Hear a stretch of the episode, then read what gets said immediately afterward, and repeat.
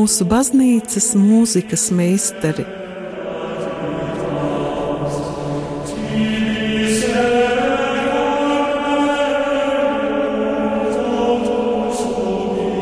Studijā Dace Treimane.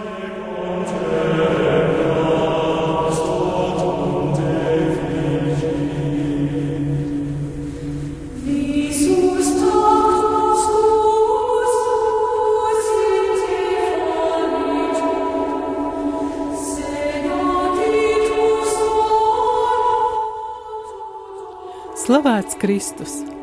Šodien turpinām ciklu Ieskats katoliskās baznīcas mūzikas vēsturē. Šī cikla iepriekšējā raidījumā mēs klausījāmies Hildegardi no Bingenes, bet šodien sekos liels solis baroka virzienā. Tas saistīts ar klusās nedēļas repertuāru, jo neiztrūkstoši šī laika skaņdarbs Katru gadu ir Giovanni Batistas perkulēzijas sekvence Stabat Mater. Un ja jau mēs katru gadu to dzirdam, es domāju, ir vērts tuvāk ar to iepazīties. Un, lai tas labi izdotos, es aicināju studijā mūsu mākslas zinātņu doktori Ievu Rozenbachu. Lūdzu, Ieva, pastāsti tuvāk par to laiku, par to laiku, kad dzima Giovanni Batista Pergolēzi un kā radās šis neticami populārais darbs. Pirms runāt par um, Giovanni Batista Pergolēzi, varbūt jāvēl daži vārdi sekvencē Stabat Mater kā tādai.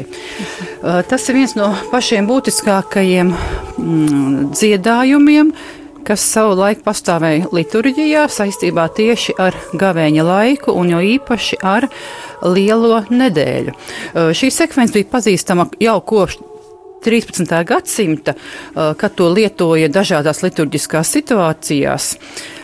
Bet uh, 16. gadsimta otrajā pusē, precīzāk sakot, vidū, uh, kad notika Tridents koncils, uh, tas aizliedza dažādu sekvenču lietojumu, un tā skaitā arī sekvences tabat māte tika izņemta no, no lietojuma, no apgrozības, teiksim tā. Un uh, liturģijā tā tika atjaunot tikai 18. gadsimtā, 1727. gadā, un to lietoja Marijas septiņu, svēt, uh, septiņu sāpju svētkos, ko mūsdienās svin 15. septembrī. Un stāpat māte izmanto arī kā himnu baznīcas stundu liturģijā. Varētu rasties jautājums, kāpēc sekvences, tā skaitā šī, tika uh, iz, nu, izņemtas ārā no liturģijas. Atcīm redzot tāpēc, ka uh, daudzas sekvences, tā skaitā stāpat māte, ļoti lielu akcentu lika uz tādu kā emocionālo vai tādu privāto pārdzīvojumu, apcerējumu dzējiskās formās. Un tomēr baznīcas liturģija vairāk tiecas būt objektīva un objektīvi uh, nu, izvērtēt lietas un objektīvi runāt par kaut kādiem notikumiem. Un varbūt pārāk liels emocionālais tāds lādiņš vai emociju klātbūtne vai tāds, varbūt savā ziņā pat sentimentālisms, nu, liturģijā īsti nav it kā vēlams. Tāpēc arī tāds bija, tāds bija šīs te sekvences liktenis. Viens no jautājumiem, ko es biju tev sagatavojis saistībā ar šo sekvenci, bija, vai mēs to varam uzskatīt par eh, katoliskās baznīcas mūziku, bet tātad tu esi jau atbildējusi, ja viņi ir izņemti no liturģijas, tātad tā, mēs nevaram to uzskatīt par katoliskās ne, baznīcas. Viņi atgriezās liturģijā. À, at, à, tas vēl sakos tā. Ne, viņi atgriezās liturģijā 18. gadsimtā. À, mēs līdz tam vēl. Jā, jā, jā, tad, tad no 16. gadsimta vidus līdz 18. gadsimta sākumam uh, šī sekvence neeksistē liturģijā, bet pēc tam, tātad, kā jau es minēju, viņi pastāv Marijas septiņu sāpju svētkos un arī baznīcas stundu liturģijā attiecīgajos brīžos. Bet vai ciešanu laikā? Arī. Baznīcas stundu liturģijā, jā. Ah, skaidrs. Viņa nav kā, kā dievkalpojuma sastāvdaļa, teiksim, kā svētās misas daļa vai kā liel, lielās piekdienas uh, dievkalpojuma daļa. Nu, tā tad tomēr gluži liturģiska viņa nav. Nu, lūksim kādam, lūksim kādam liturgam paskaidrot, jā, kas ir, kas ir liturģisks un kas šajā gadījumā nav liturģisks. Mm. Jā. Ir jau ļoti daudz dziedājumu, kas ir absolūti liturģiski, bet vienkārši kas skan varbūt tikai reizi gadā. Mm -hmm. Ja, tur... ja, protams, tos svētkus, ko tu minēji, jā. tur tajā laikā jā. Jo pēc, pēc, pēc satura, pēc tā, par ko šī sekvence stāsta, viņas atrašanās vieta īstenībā ir tikai lielā piekdiena. Mm -hmm. Jo tas ir šis tas sižets, ja, kas izstāsta to, kā jaunava Marija nu, lūkojās uz savu dēlu un ko viņa uh, cieš, ko viņa izdzīvo, vērojot savu krustā sisto uh, dēlu. Un um, tātad tur ir gan sastopams gan atsauces uz vecās darības pravietojumiem, gan jaunās darības uh, dažādām grāmatām un evaņģēlija lapas pusēm. Bet, protams, kā jau es minēju, tādās ļoti tēlēnās, ļoti poētiskās mm, izteiksmes formās. Uh, nu, daži piemēri, piemēram, uh, pat pirmā rindiņa Stabat Mater Dolorosa, ko latviski tulkoja kā stāvēja sāpju māktā māte, ir uh, balstīta pantā no svētā Jāņa evaņģēlī, konkrēti 13. nodaļas, bet pie Jēzus Krusta stāvēja viņa māte. Savukārt sastā rindiņa, kur uh, runa par to, kā Marijas dvēseli uh, cauruba zobens, jā, ir no Lūkas evaņģēlija otrās nodaļas, kur Simeons pravieto Marijai un tavas pašas dvēseli pārdurs zobens. Un tā tālāk arī daudzi citi ciešana momenti, pamestības, sitienu rētas un, uh, un tam līdzīgi ir atrodami gan psalmos, gan vecās darības grāmatās un arī arī, protams, visos četros evaņģēlijos, kuros ir attēlots Kristus ciešanas, par kurām šī sekvence tieši arī runā. Tā kā tas avots ir uh, svētie raksti, bet tādā ļoti poetizētā, ļoti skaistā uh, latīņu valodā. Uh, ar ļoti skaistu pantmēru, atbilstoši nu, 13. gadsimta nu, dažādām tradīcijām, tieši šai sekvences formai. Un varbūt arī, teiksim, līdz šim brīdim nav līdz galam skaidrs, kas ir šīs, mm, šīs, šī teksta autors. Jā, ir, ir viedoklis, ka, ka autors ir Giacopone da Todi, kas bija viens no Francis pirmajiem franciskāņiem. Jā. Uh, ir arī uzskats, ka autors ir Inocents III, tātad pāvests. Uh, vēl arī tiek pierakstīts ar Bernardam no Klervo, tad vairākiem potenciāliem autoriem, bet uh, visticamākie tieši uh, min, minētais Inocents III un Giacopone da Todi. Bet, lai kā arī būtu, šis ir ļoti, ļoti pazīstams teksts un ļoti cie, iecienīts teksts tieši no komponistu puses. Un jau kopš renesanses laikmeta, tātad jau kopš 15. un 16. gadsimta. Uh, šis ir skandarbs, kurš ļoti daudz ir ticis komponēts dažādiem sastāviem, gan tikai korim, gan korim ar pavadījumu, gan solo balsim, gan dažādām uh, šīm te balsu kombinācijām. Uh, un te var minēt rindu rindām ļoti pazīstams komponistus, gan uh, renesanses meistars Palestrīnu, gan uh, klasicismu vienu no galvenajiem autoriem Jozefu Haidnu, gan romantiķu Cezāru Franku, Šarlu Gono un daudzus, daudzus citus līdz pat mūsu dienām, līdz pat 20. un 21. gadsimta meistariem tādā vienā sarakstā, ko es savu laiku uh, sagatavojis, te ir apmēram 50 50 autori minēti, un tas nav, protams, viss. Jā, vēlreiz ir precizējuši mans jautājums, gan nebija par tīri par sekvences pēc satura, bet par mūziku, bet par, es saprotu, par to vēl mēs runāsim, par pergolēziju mūziku, jo esmu dzirdējis viedokli, e, ka tā ir tāda salona mūzika, un kurai īsti varbūt nav vieta baznīcā. Tādā, tādā nozīmē. ziņā, jā, tādā ziņā, protams, jā, tas ir koncerts skandarbs. Ah, uh. Jā, tekstā tad ir, ir liturģijai piemērots, lit, ar liturģiju saistīts, jā, bet mūzikas veidojums, protams, tā ir koncerta mūzika, bet kām ir, zināmas liecības no, um, no, no pagātnes, jā, ka savu laiku koncerta mūzika arī tikusi iekļaut dievkalpojumos. Piemēram, lūk, šī te sekvences tabat māteri bijusi kā daļa no lielās piekdienas dievkalpojuma, jā. Vai ir tu, tuvāk zinām pergolēzija biogrāfija? Tāds kaut, kaut kas par viņu ir zināms. Uh, uzreiz jāteic tas, ka viņš dzīvoja salīdzinoši ļoti īsu mūžu. Viņš nodzīvoja tikai 26 gadus. Viņš ir dzimis 1710. gadā un mūžībā aizgājis 1736. gadā. Viņš ir dzimis, uzaudzis, skolojies un darbojies Itālijā, Neapolē.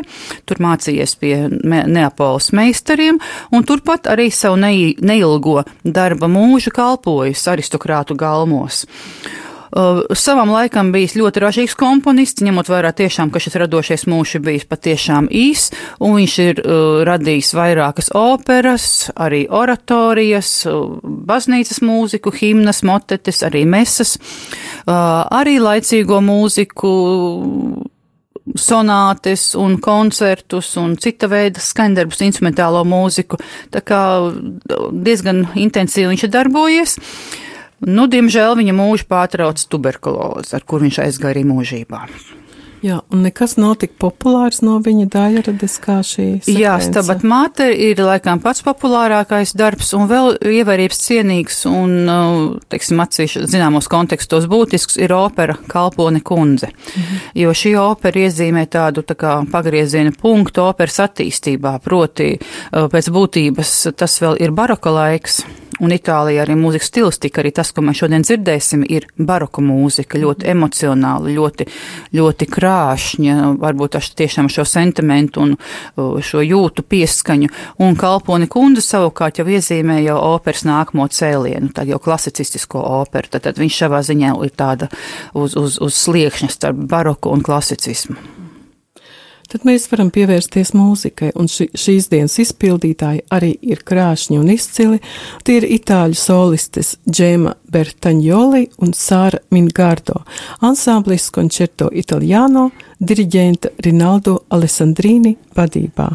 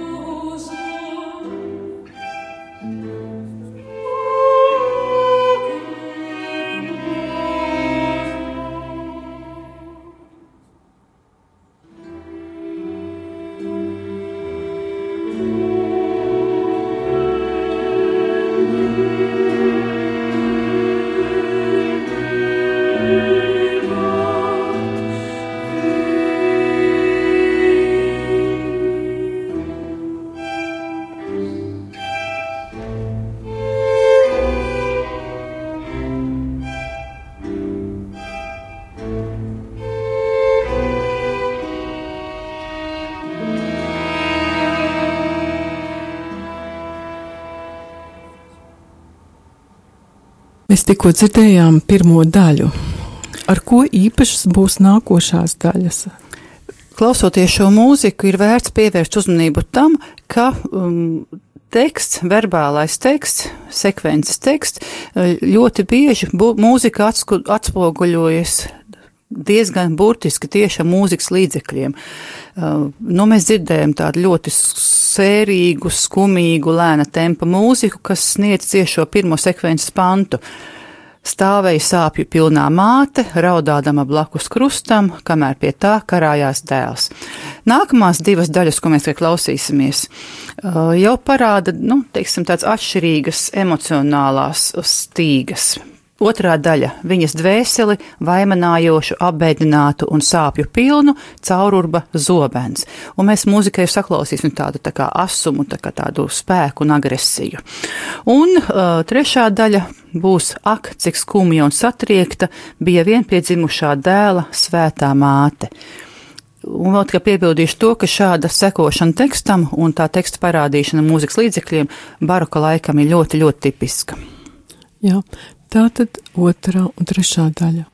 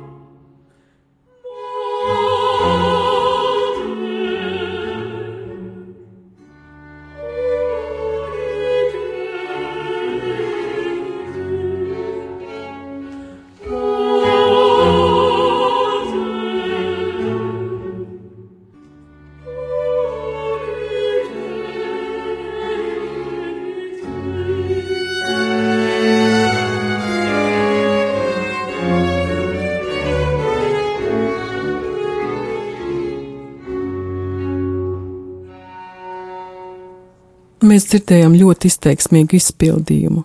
Kas mūs gaida nākošajās daļās? Ceturtā daļa um, ir ar tekstu. Viņa vaimanāja un cieta mīļā māte, kad redzēja sava cildināt, cildinātā dēla mokas. Šī ir ļoti interesanta daļa, jo uh, neraugoties uz šo ļoti traģisko tekstu, mūzika šķiet visai tāda līksma, priecīga un ļoti ļoti ātrā tempā. Bet uh, te jāsaprot arī mūzika zinām simbolika, tāds, tāds enerģiskais, aktīvais ritms un arī tas temps, ko pats autors arī partitūrā rokrakstā norādījis, liecina tikai par to, ka viņš vēlējies izcelt šīs daļas dramatismu šo nemieru šajā situācijā, jaunās Marijas mokās, šo, šo tiešām dramatismu tuvošanos, šo satraukumu, kā mēs zinām, ļoti bieži, ja mūs gaida kaut kas nepatīkams, mēs paši kļūstam nervos, uzvilkti, mēs sakām. Ja? Tā kā šis nav tāds priecīgais ātrais tēma, šī nav priecīgā daļa, ja šī ir tāda daļa, kas mūs brīdina par to, ka sekos kaut kas, nu, tāds, tāds vēl, vēl traģiskāks. Ja? Un pēc tam sekojošā piektā daļa atkal būs Uh, duets, kā jūs dzirdējat, arī tikko skanēja duets, un arī pirmā daļa bija duets, uh, kur izskanēs arī ļoti aizkustinošs teksts, kurš varētu neskumt līdzi, redzot Kristus māti, ciešot kopā ar dēlu. Par savas tautas grēkiem viņa redzēja Jēzu važās un pātagām šaustītu. Mhm. Tātad 4. un 5. daļa. Thank you.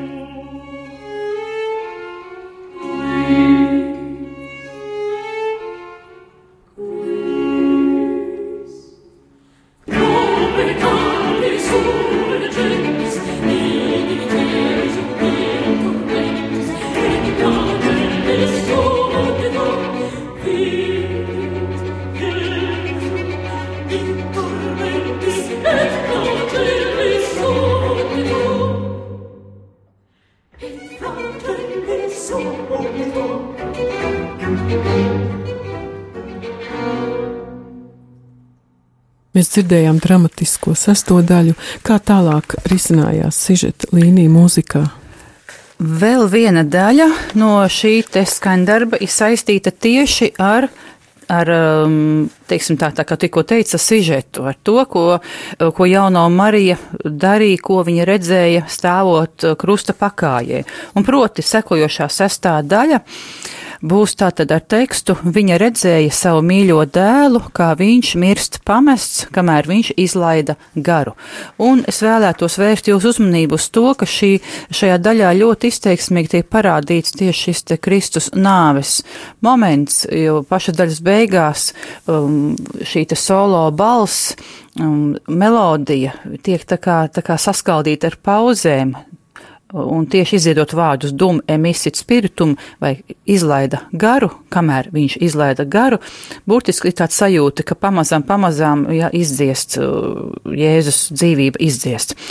Un uh, būtībā ar to šajā sekvencē noslēdz šis sižetiskais stāstījums, un sekojošās daļas jau ir vairāk jau kā, nu, kā lūkšanas Dieva mātei par aizstāvību un, teiksim, tāda tīra, tāda poētiska nu, poētiska vēršanās pie viņas. Un septītā daļa un astotā daļa attiecīgi dažādos tādos emocionālos stāvokļos un dažādos tempos, bet atspoguļo lūk šādus tekstus. Ak, māte, mīlestības avots, liec man just sāpju spēku, liec, lai kopā ar tevi sēroju, liec, lai kvēlo manas sirds mīlestībā uz Kristu Dievu, lai es viņam būtu tīkams. thank you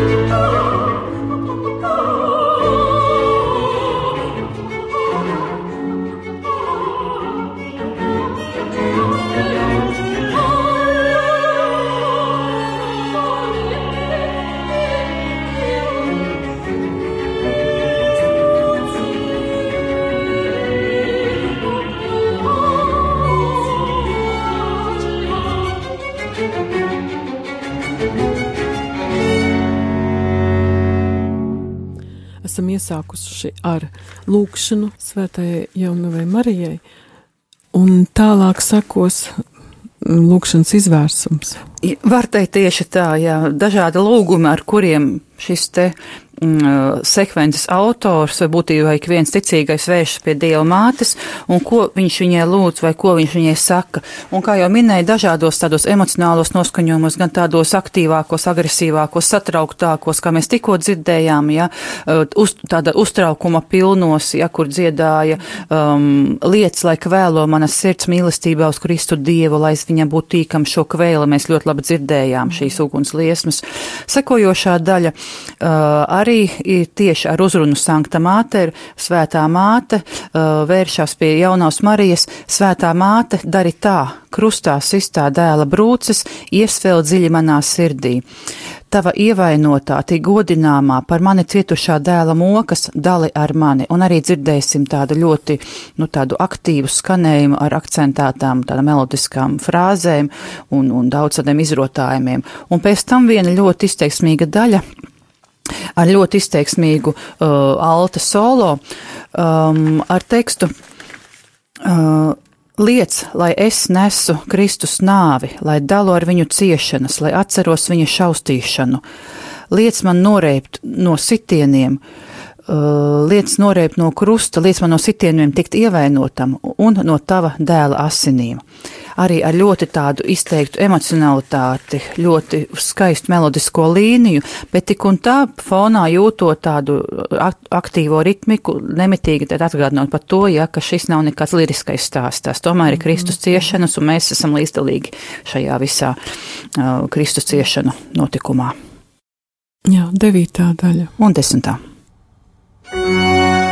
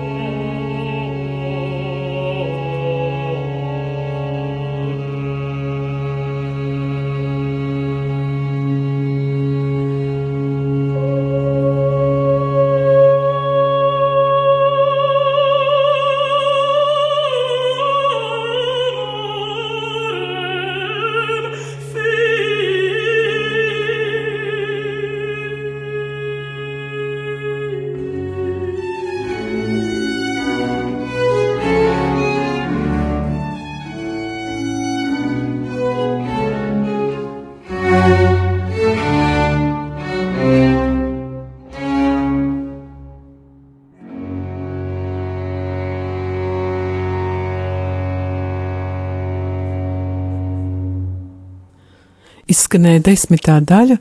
Man liekas, viņa bija kāda neparasta. Kas tur tāds neparasts bija? Tas neparastais, manuprāt, bija operas pieskāriens. Šajā mm. žanrā pašās beigās dzirdējām tādu ļoti izvērstu um, to, to, ko sauc par kadenci, gan solo dziedājumos, gan instrumentālu mūzikā, proti tādas solo frāzes, ja, ko, ko atskaņotē mākslinieks improvizē. Ja, tas noštekstā nav rakstīts, tās, tās īpaši tēmā reģistrā dziedātās nots, kas tas ir atkarīgs no solista? Uh, jā, patiesībā sakot, šādā variantā es šo, šo daļu dzirdu pirmo reizi. Jā, ja, un arī nu, tajās notīs nošu tekstos, ko es esmu redzējusi, ja šādas tādas, tādas brīvības ne, ne, kā nav fiksētas, ja, bet tā ir bijusi tā laika tradīcija jau no baroka sākot, ja, un arī turpinājumā arī Roma, klasicismā. Proti tāda, tāda iespēja solistiem, nu, parādīt savu, savu varēšanu vai savu fantāziju, ja? uh, īpaši tātad noslēguma posmos, tā kā tā bija ļoti skaidra operas zīme. Un starp citu, uh, gan Pergolēzī, gan arī laikā jau ap viņu, tātad visā baroka laikā un arī sekojošā klasisma laikmetā, uh, protams, ka baznīcas mūzika un tas, kas skanēja baznīcā, ļoti ietekmējās ar no laicīgās pasaules, un baroka laikmets ir operas laikmets, un tātad operas klātiena ir gan lūk šajā žanrā, ko mēs dzirdam šajā konkrētajā konkrētajā skaņdarbā, gan arī citos oratoriālos vai kantāts tipa darbos, arī mesās. Ja. Tad, tad arī baznīcas mūzika nevarēja stāvēt pavisam nostādus no, no, no tā, kas notika laicīgajā pasaulē. Un mums atlikuši vēl um, trīs noslēdzošās daļas šajā uh, stabat māte sekvences ciklā, un tās ir ar sekojošu tekstu. Lai es netieku liesmā sadedzināts, caur tevi jaunava, lai es tieku pasargāts tiesas dienā. Uh, tā būs 11. daļa, un šo uzliesmojumu mēs dzirdēsim arī kā tādu ļoti strauju tempu, ļoti intensīvām intonācijām, un tā tad, tā tad varētu teikt diezgan gaišu un tādu dzirkstošu raksturu. Priekšpēdējā daļa jau runā par mūžību, kad miesa nomirs, ļauj, lai dvēselē tiek dāvāta paradīzes godība.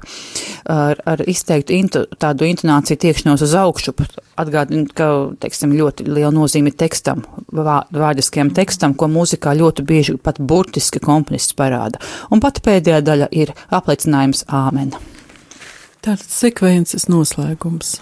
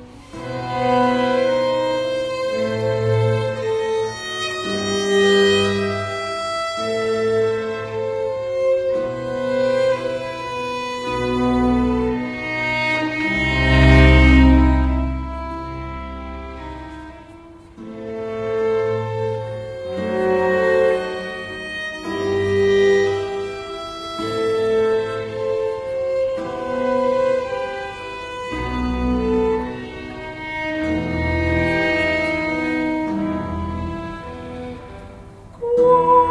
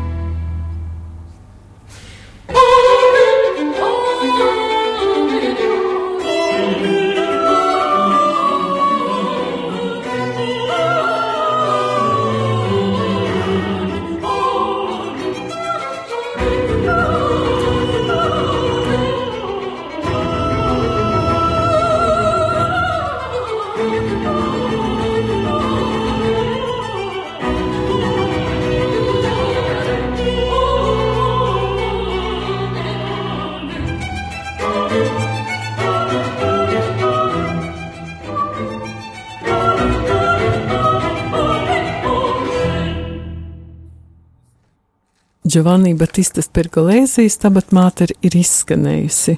Izpildītāji bija izci, izcilās solistas Džēma Bertaņoli un Sārmiņa Gardo. Ieva, vai tev ir kādi noslēguma vārdi? Jā, man ir daži vārdi vēl ko teikt. Uh, šis ir, kā mēs sākumā minējām, viens no pašiem uh, populārākajiem un pazīstamākajiem pergolēzijas skandarbiem, un tas tika jau ļoti drīz pēc viņa nāves uh, atzīts par vienu no labākajiem sava laika sakrālajiem sacerējumiem, un tam tika veltīti ļoti cildinoši vārdi. Un savā laikā šis skandarbs piedzīvoja arī tādus, kā varētu teikt, nu, tādus apdarinājumus vai aranžējumus. Un pat Johans Sebastians Bachs, balstoties uz šo uh, skandarbu, izveidoja savu uh, tādu kā variāciju vai savu tādu parafrāzi par, par stabat māteri, pielāgojot citu tekstu, mazliet pamainot instrumentāciju un tam līdzīgi, bet balstoties tātad konkrēti uz šo pergolēziju mūzikas materiālu, ja, un izveidoja savu moteti ar tekstu, un latviski pārfrāzējot būtu, nu, izdeldē man uz grēku, saka kungs. Ja? Tātad pat Bahs atzina šo Skaņdara par ļoti, ļoti vērtīgu. Un arī 19. gadsimta sākumā itāļu komponijas Paisiello uh, arī jaunu variantu, jaunu versiju šim darbam sniedza, un, kā mēs dzirdējām, tikko skanēja tikai tad, tad, divas solo balsis un stīgu kvartets. Uh, Paisiello pievienoja klāt arī pūšam instrumentu balsis un kori, tad, tad tādu savu skatījumu.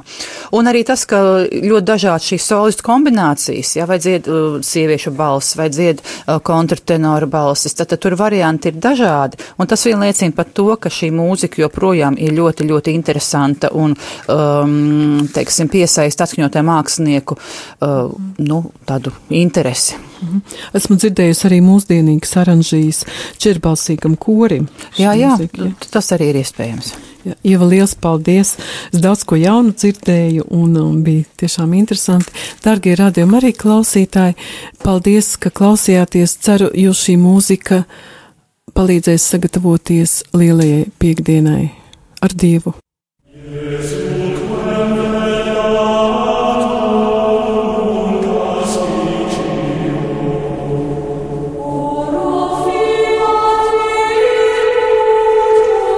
Mūsu baznīcas mūzikas meistari.